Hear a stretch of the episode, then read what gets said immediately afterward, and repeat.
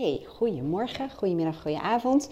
Dit keer een podcast over dingen die we onszelf uh, wijsmaken en die heel erg kunnen beperken in je leven of die heel veel voor energieverlies kunnen uh, zorgen. En ik geef even een concreet voorbeeld wat ik bij mezelf um, ervaarde. Ervaarde, ervoer, ervaarde. Nou, maakt niet uit, je snapt wat ik bedoel. En dat gaat over bellen echt in 9 van de 10 gevallen maakt een nieuwe klant uh, rechtstreeks een afspraak in mijn online agenda. En heb ik eigenlijk van tevoren geen contact. Heel soms via de app een keertje of via de mail. En um, in een paar gevallen via telefoon. Of vraagt iemand om even een telefoonafspraak te maken. En dan ontstaat er bij mij weerstand. En niet alleen maar in de context van uh, eventueel nieuwe klanten of zakelijk, maar überhaupt bellen. Bellen. Zelfs als bijvoorbeeld mijn moeder heeft gebeld en dat zie ik dat ik een gemiste oproep heb. En ik moet terugbellen, ik moet horen wat ik zeg. Dat, dat, daar gaat het zo meteen ook al een stukje over. Ah, staat er weerstand. En ik hoor mezelf ook heel vaak zeggen: Ik hou niet van bellen. Ik vind bellen niet leuk. En vroeger zei ik zelfs: Ik haat bellen. En ik weet ook wel waar dat vandaan komt, maar ik besteed over het algemeen niet heel erg veel aandacht over uh, aan waar het vandaan komt. Soms helpt dat echt wel hè, een stukje inzicht te krijgen en dingen te snappen. Maar het lost over het algemeen het probleem niet zo op. Maar ik weet wel, ik heb heel veel telemarketing gedaan. Ik heb me helemaal suf gebeld, zullen we maar zeggen. En ik weet dat daarna mijn aversie tegen de telefoon uh, steeds meer begon te groeien. Maar goed, daar heb ik natuurlijk geen ene ruk aan. En, want het gaat om hoe ervaar je het dan in het hier en nu en wat zou je willen? Nou, wat ervaar ik in het hier en nu? Nog steeds wel wat weerstand als ik het heb over bellen. Nou, en ik zal je vertellen wat ik daar dan aan doe. Want het grappige is dat we onszelf als het ware verhalen vertellen, in mijn geval over bellen. Over telefoneren, zullen we maar zeggen. En daardoor ontstaat weerstand. Want ons brein is primair geprogrammeerd om ons veilig te houden. En, en dat doet het door bijvoorbeeld ons in het vertrouwde te houden. En om het zo comfortabel mogelijk voor ons te maken. Want dat zorgt ook ervoor dat we minder energie uh, verbruiken. En zoveel mogelijk te eten. Nou, dat even allemaal terzijde. En het luistert daarvoor naar je woorden. Het moet een inschatting kunnen maken of iets als het ware veilig voor je is of onveilig voor je is. Even zo heel kort de bocht, hè als je jezelf gaat vertellen in je hoofd, hè, wat ik dus uh, vroeger heel extreem deed, ik haat bellen. Dan met name ook door de emotionele lading, dan zal je brein dat, uh, die activiteit labelen als um, nou ja, gevaarlijk, bedreigend of in elk geval energiekostend. Je snapt wel wat ik bedoel. Ik zit naar een vlinder te kijken. Een hele mooie rode vlinder komt bij me vliegen. Goed, misschien moet ik ook even de focus houden op wat ik uh, aan het vertellen was. Dat ga ik dus nu weer proberen. Um, dan moet ik misschien gewoon even de andere kant op kijken. Echt iets kan in één keer mijn aandacht heel erg vragen. Anyway, dat bellen. En um, ik haat bellen. Nou, dat. Nou, ik heb dat al wat genuanceerd. Hè, door te zeggen, nou, hè, ik haat bellen niet. Dat is grote onzin. Dat is natuurlijk wel heel extreem gezegd. Ik hou er gewoon niet zo van. Nou, en dat maakt in feite al de drempel wat lager. Maar waar je soms de kraak kunt zetten in je eigen hoofd, is door voor jezelf te onderzoeken, vragen te stellen waar gaat dit eigenlijk over? Waar gaat het over? En voor mij is dat een procesje geweest van allereerst er naar kijken. Loop ik verder weg, komt er nog weer zo'n rode vlinder. Anyway, door echt te kijken naar waar gaat het over, kwam ik tot de conclusie dat ik telefonie als het ware meer als een taak was gaan zien. Terwijl het is een middel het is een communicatiemiddel. En door voor mezelf dat ook zo te zien, het is een communicatiemiddel. Het is een geweldig gaaf instrument, middel om connectie met een ander te hebben. Om iets te regelen, om op afstand toch bij iemand te kunnen zijn. Om even uh, elkaar uh, persoonlijk te spreken. Dus het is een middel. En dat maakt het voor mij vaak ook wel uh, alweer anders. Omdat ik dan als het ware, ik noem het maar even de boven ga hangen. Boven het middel uitstijg en weer even kijk naar mijn waarden en mijn doelen. Waarbij ik me realiseerde, ik vind connectie, verbondenheid, verbinding is een waarde van mij. is een hele belangrijke waarde van mij. Dus in feite zou je kunnen stellen dat telefonie of welk ander communicatiekanaal dan ook, um, helpt mij. Het is een middel om connectie te kunnen maken. En ik merk dat ook bij mezelf. Als ik eenmaal aan het praten ben, dan heb ik echt connectie en verbondenheid. En dan vind ik het een heel fijn gesprek. Dus door deze stap voor mij te zetten, koppelde ik me even los van dat het een taak of een doel op zichzelf is. Nee, het is simpelweg een middel. En dan is eigenlijk de volgende vraag: waar gaat het dan nu nog over als je wel weerstand ervaart? Nou, en dat was voor mij eigenlijk dat ik dacht: dit gaat ook heel erg over condities, voorwaarden stellen um, voor jezelf, uh, voor bijvoorbeeld dat bellen. En want als ik dieper als het ware even ga uh, onderzoeken, dan gaat het vaak meer over uh, het beschermen van mijn eigen energieniveau. En um, ervoor zorgen dat ik als het ware um, niet overprikkeld raak. Dat klinkt een beetje extreem, maar ik ga dat even uitleggen. Um, ik heb een heel associatief brein en, en er uh, je kunt er een plakkertje HSP, hoogsensitief persoon, op plakken. Um, ik beschouw over het algemeen dat meer vanuit de wetenschappelijke kant, hè? dus je brein gewoon anders uh, werkt als het ware. Ik heb een hoge sensitiviteit, wat me gewoon uitstekend van pas komt in mijn coaching. Hè? Want uh, hele subtiele, non-verbale uh, signalen, die pik ik moeiteloos op. En um, ik weet ook gauw de essentie daardoor te vatten. Maar dat betekent, je kunt je wel voorstellen, um, dat ik goed observeer. En dat ik er echt volledig ben met mijn aandacht in een gesprek. En um, ik kan, ik noem het altijd mijn eigen energie uh, schoonhouden. Nogmaals, dat klinkt een beetje gek, maar ik probeer het een soort van te beschrijven. Door altijd een half uur tussen de sessies te hebben en altijd minimaal één uur lunchpauze.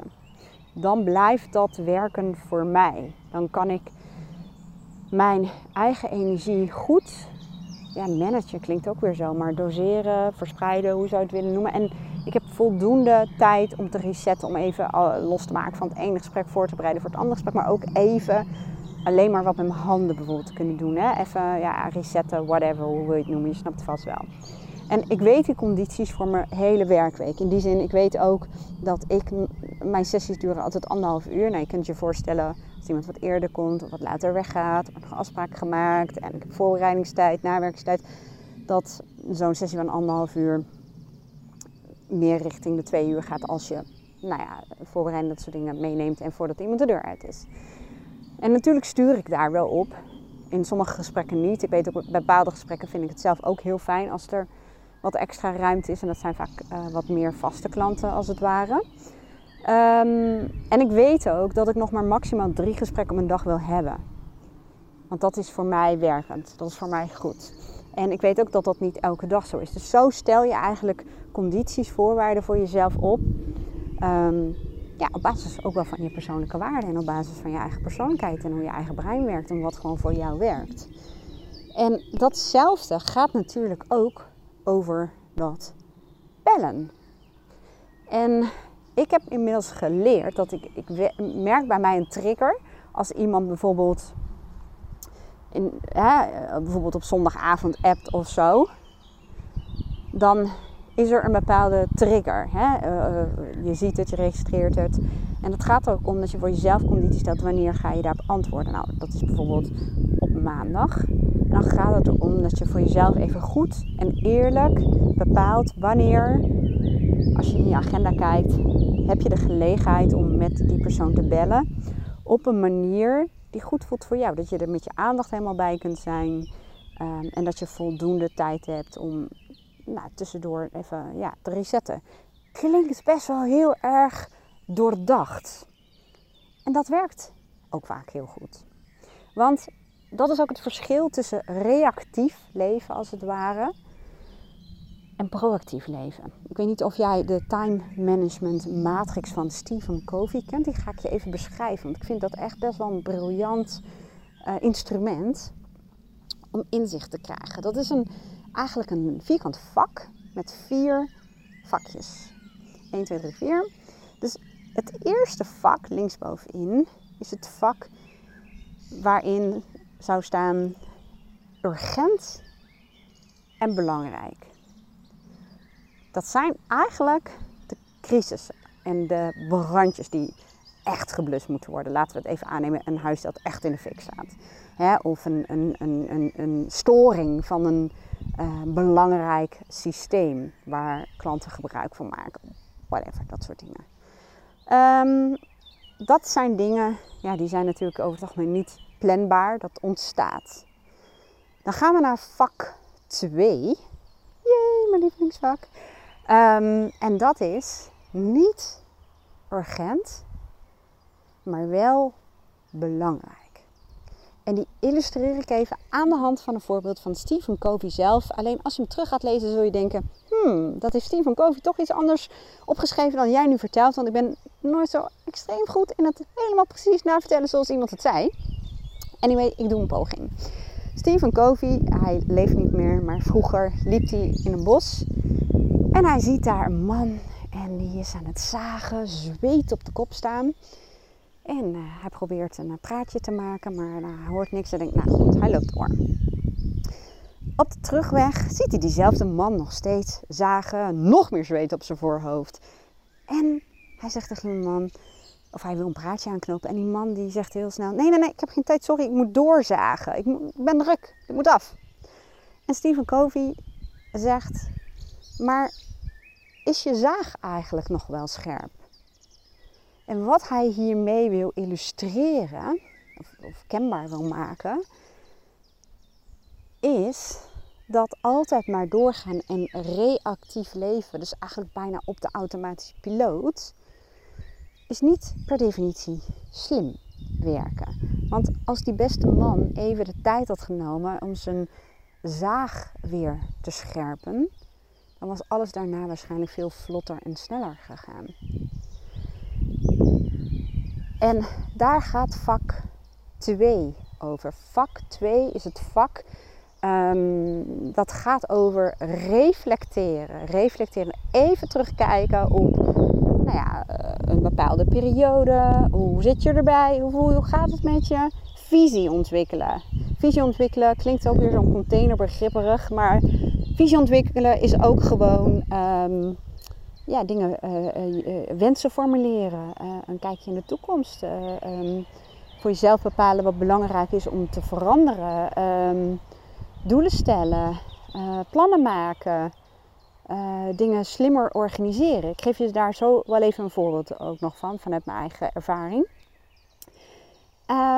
ja, dat is het bewuste vak, noem ik het maar even. Het proactieve vak even eromheen. Want er komt iemand bij ons op het terrein even iets doen. En als ik daarheen ga, dan ziet die persoon mij. En dan is het wel heel gebruikelijk om even een praatje te maken. Dus ik loop even weg. Zo. Anyway, ik ga nog even door, want het zit nu zo goed in mijn hoofd. Goed, uh, ik moet even oppakken waar ik was gebleven. Oh ja, ik, ik zei bewuste vak. Ik geef je nog even een voorbeeld.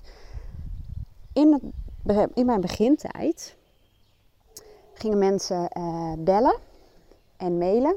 Vooral en op een gegeven moment ook appen en sms'en om afspraak met me te maken. En wat ik daarin constateerde is dat ik soms echt wel vier keer heen en weer aan het mailen, appen of sms'en was. Om überhaupt een afspraak tot stand te laten komen. En dan was ik met de een bezig en dan was de ander was al iets vergeven. En ik werd eigenlijk oh, sowieso niet mijn kwaliteit. Maar goed, um, het kostte me zoveel tijd. En je kunt doorgaan, doorgaan, doorgaan, doorgaan, doorgaan. Maar je kunt ook jezelf de vraag stellen, en dan zit je dus even in vak 2. Kan dit slimmer? Ja, dat kon slimmer. Dat is dus bijvoorbeeld nadenken, hoe kan ik dit structurele voor de lange termijn slimmer oplossen? Ja? Nou, dat betekende dus de lancering van mijn online agenda. Yay! Nou dat. Vervolgens zag ik mezelf in sessies uh, uh, mezelf briefjes uh, maken met red even nasturen of dit even nasturen of dat even. En op een gegeven moment, na drie keer, als ik drie keer een klant, een verschillende klanten in dit geval, iets nastuur via mail, dan gaat bij mij een bewustzijnslampje aan, vak 2 werk. Kan dit slimmer? Als ik gewoon drie keer iets nastuur. En ja, dat kan slimmer. Dan richt ik een pagina in waar mensen zelf dingen van kunnen downloaden. En het enige wat ik hoef te doen, is één keer die link geven. En daarnaar verwijzen. Maar dat is allemaal vak 2 werk. Maar ik hoop dat je hem al een beetje voelt. Het is wel belangrijk. Het is belangrijk om je energie goed te houden. Belangrijk om te blijven connecten met je waarden. Met bijvoorbeeld een plan of een visie. Dit geeft je de gelegenheid om bij te sturen. Om voor de lange termijn dingen slimmer of, fijner of comfortabel, moeitelozer in te richten. Ik noem maar eventjes wat. En ook in gezinnen zie je vaak, laat ik even terug naar 3 en 4. Ja, pak ik zo die gezinnen maar weer op. Want het vakje 3, tada, tada, vakje 3, dat vind ik persoonlijk het minst fijne vak. Dat is namelijk, het is urgent, maar niet belangrijk. Misschien denk je, mm, leg die even uit, dus dat zal ik doen. Dat is het vak, ik noem het ook vaak het ad hoc vak.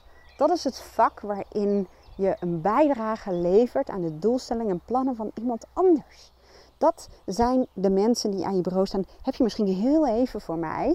Of ik heb je mail gestuurd. Heb je, al, uh, heb je die al gelezen?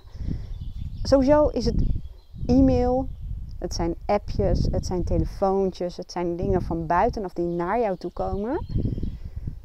Met name de dingen die ongepland zijn, maar die in feite een beroep doen op jou, die, waar een verzoek in zit. Hè? En, en soms niet eens een direct verzoek als je het hebt over cc-mail, maar het is wel iets wat niet per definitie direct bijdraagt aan jouw doelstellingen. Hoeft niet altijd zo te zijn, maar het is over het algemeen wel ongepland.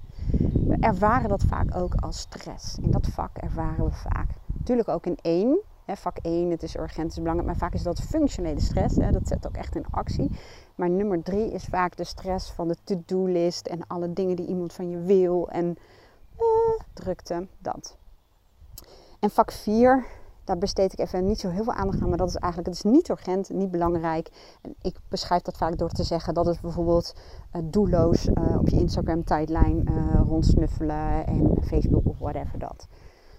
Ik wil niet zeggen dat het niet nuttig is. Hè?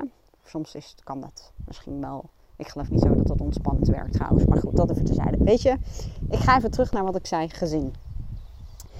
In veel gezinssituaties is er ook absoluut een gebrek aan vak 2. En met gezin bedoel ik niet per definitie vader, moeder, kinderen, maar ook uh, partners. Vaak door de waan van de dag, jee, vak 3 met name, um, verliezen we het belangrijkste, wat voor ons eigenlijk super belangrijk is, uit het oog omdat we maar reageren, reageren, reageren. En een keer als we tijd hebben in een vakantie of misschien een keertje in het weekend of als je nog een keer een restje tijd en energie over hebt, dan ga je beter voor jezelf zorgen of meer aandacht hebben voor je partner of meer aandacht hebben voor je kinderen. En ik bestempel dat vooral ook weer als vak 2 zullen niet, zal niet iedereen met me eens zijn, maar goed, zo kijk ik ernaar. Maar ook weer vak 2. Aandacht, aandacht, aandacht en connectie. En dat vraagt bewustzijn. En ik moet nu zeg, zelf ook even weer bewust worden van wat was ook alweer de aanleiding van deze podcast. Nou, dat, dat ging over het bellen. Hè? De, de, de weerstand en de aversie die ik in het verleden heel erg had op de bellen. En vervolgens vertelde ik je van, nou, het is interessant om bij jezelf te onderzoeken, waar gaat het over? En welk verhaal vertel je jezelf hier over? Welke woorden kies je zelfs? En hoe, hoe interpreteert je brein dat als het ware? En dat het belangrijk in mijn ogen is om na te gaan waar het werkelijk over gaat. Hè? Waardoor ik bijvoorbeeld bellen ook meer ben gaan zien als instrument, een, een middel. En dat het belangrijk is om voor mezelf condities te stellen van dat bellen. Nu weet ik ook weer het haakje met uh, het vak. Haakje, gek woord eigenlijk. Uh, ik zie het dan ook echt voor me. Het ziet er heel raar uit. Maar goed, in elk geval. Uh, even terug. Waar was ik gebleven weer? Ah, dat is ook het brein wat uh, elke keer in beelden denkt en associaties. En ik heb heel erg het verlangen om te ordenen en dat soort dingen. Dus dat gebeurt allemaal een soort van achter elkaar. Nou, anyway. Um, door voor jezelf inderdaad condities te stellen van um, hoe zou het voor mij werken om bijvoorbeeld wel te bellen. En dat is ook, gaat ook over beslissingen nemen. Je kan daarin de beslissing nemen om um, nou ja, de, de, de, de kans dat mensen gaan bellen zo klein mogelijk te maken. En dat je voor jezelf op bepaalde. Sommige mensen willen gewoon graag bellen. En dat voelt voor mij ook, ja, doe dat dan ook. In sommige gevallen is het ook gewoon belangrijk om heel veel contact te hebben. Maar je kunt wel voor jezelf beslissen waarvoor ben je bij wijze van spreken telefonisch wel bereikbaar en waarvoor niet. En in mijn communicatie um, uh, ja, stuur ik daar ook gericht op, om het even zo te zeggen. Plus, wat ook, en dat is ook weer vak 2 werken. Je kunt natuurlijk ook, um, als het ware, dingen uitbesteden. Dat is volgens mij ook gewoon wel een eigenschap van uh, ondernemers. Als je wil groeien, betekent dat in mijn beleving dat je voor jezelf wel realiseert dat groeien, als je alles alleen zelf doet, dan zit daar wel een heel enorme beperking op. Ten eerste kun jij niet goed doen waar jij het allerbeste in bent. Die energie en je aandacht en je tijd is versnipperd als het ware. Um, ja, vooral dat, groei, maar je komt ook niet helemaal tot je recht. En ik ben van mening dat zelfs je klanten dat ook wel gaan merken. Dus je kunt bijvoorbeeld voor jezelf ook beslissen van welke telefoontjes of appjes of waar het ook over gaat, wil ik echt zelf doen. En kan ik dat ook echt afgestemd doen. En wat ik bedoel met afgestemd, dat is als het um, klopt conform je waarde. Dus ik zeg even als mijn intentie klopt. Als mijn intentie klopt. Als ik het doe niet vanuit een, een persoonlijkheidskant van mij die vindt dat dat hoort. Want dat is van mij geen zuivere intentie. Dat is door iemand bedacht waar ik me dan aan ga conformeren. Dat werkt bij mij meestal niet zo erg lang goed. Um, als het een zuivere intentie is, geconnect vanuit bewustzijn en vanuit mijn waarden, dat klinkt misschien heel wazig, dan klopt die. En dan kan ik van mezelf bepalen welke mogelijke telefoontjes zouden er nog meer kunnen komen. Hoe kan ik dat organiseren dat het zo mogelijk volgt? Welke andere mogelijkheden zijn ervoor? En dan is dan de volgende vraag: wie kan dit voor mij doen? Want, dat is briljant hè. Er zijn serieus mensen die het enorm leuk vinden om klantcontact te hebben. Of dat nou via social media is, of dat nou via mail is, of via telefonie. Die vinden dat heerlijk. Die zijn er ook goed in. Dat merk je ook wel als je zo'n klantservice-medewerker bijvoorbeeld aan de telefoon krijgt.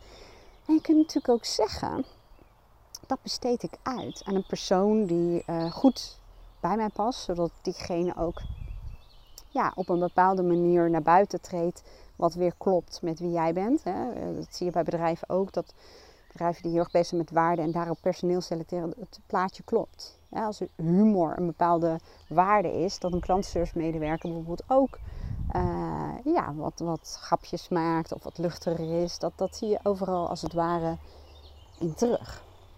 En om nog even af te sluiten met het vak. Hè, want de essentie eigenlijk van deze podcast is... Ten eerste neem niet zomaar dingen aan als waar. Hè, bestudeer je eigenlijk je eigen gedachten en je eigen zinnen. Is het werkelijk waar in mijn geval dat ik een hekel heb aan bellen? Nee. Want bellen is maar een instrument. En ik hou van connectie, maar wel onder bepaalde condities en voorwaarden.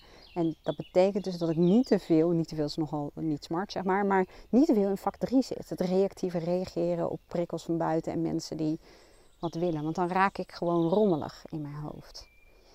En daar kun je wat voor organiseren. En dat is in mijn beleving ook wel meteen een linkje met wat coaching eigenlijk is. Ik zeg coaching is echt niet praten, praten, praten, praten. En over uh, dingen uit het verleden. Wel als het functioneel is het hier en nu waar je naartoe wil. Maar coaching is vooral denken en doen. En denken bedoel ik mee bewust denken. Heel veel mensen gaan hier met koppijn weg. En dat vind ik best wel goed. Want ehm, niet voor iedereen, hè? want het is niet bij iedereen hetzelfde. Maar ja, we zijn over het algemeen ook helemaal niet zo gewend om na te denken. En ik stel gewoon shit vragen, laten we het zo maar zeggen, waar je over na moet denken. En dat is goed, want vaak als je na moet denken, dan, dan, dan, dan, ja, dan bevind je ook in een nieuw gebied. En dan, dan, dan gebeuren vaak ook dingen. En dit kun je natuurlijk ook zelf faciliteren door zelf onderzoek te doen. Dat is misschien nog wel leuk. Ik heb gisteren net een, um, en vandaag de, de laatste fine-tuning, um, wat verbetering doorgevoerd in een uh, cursus.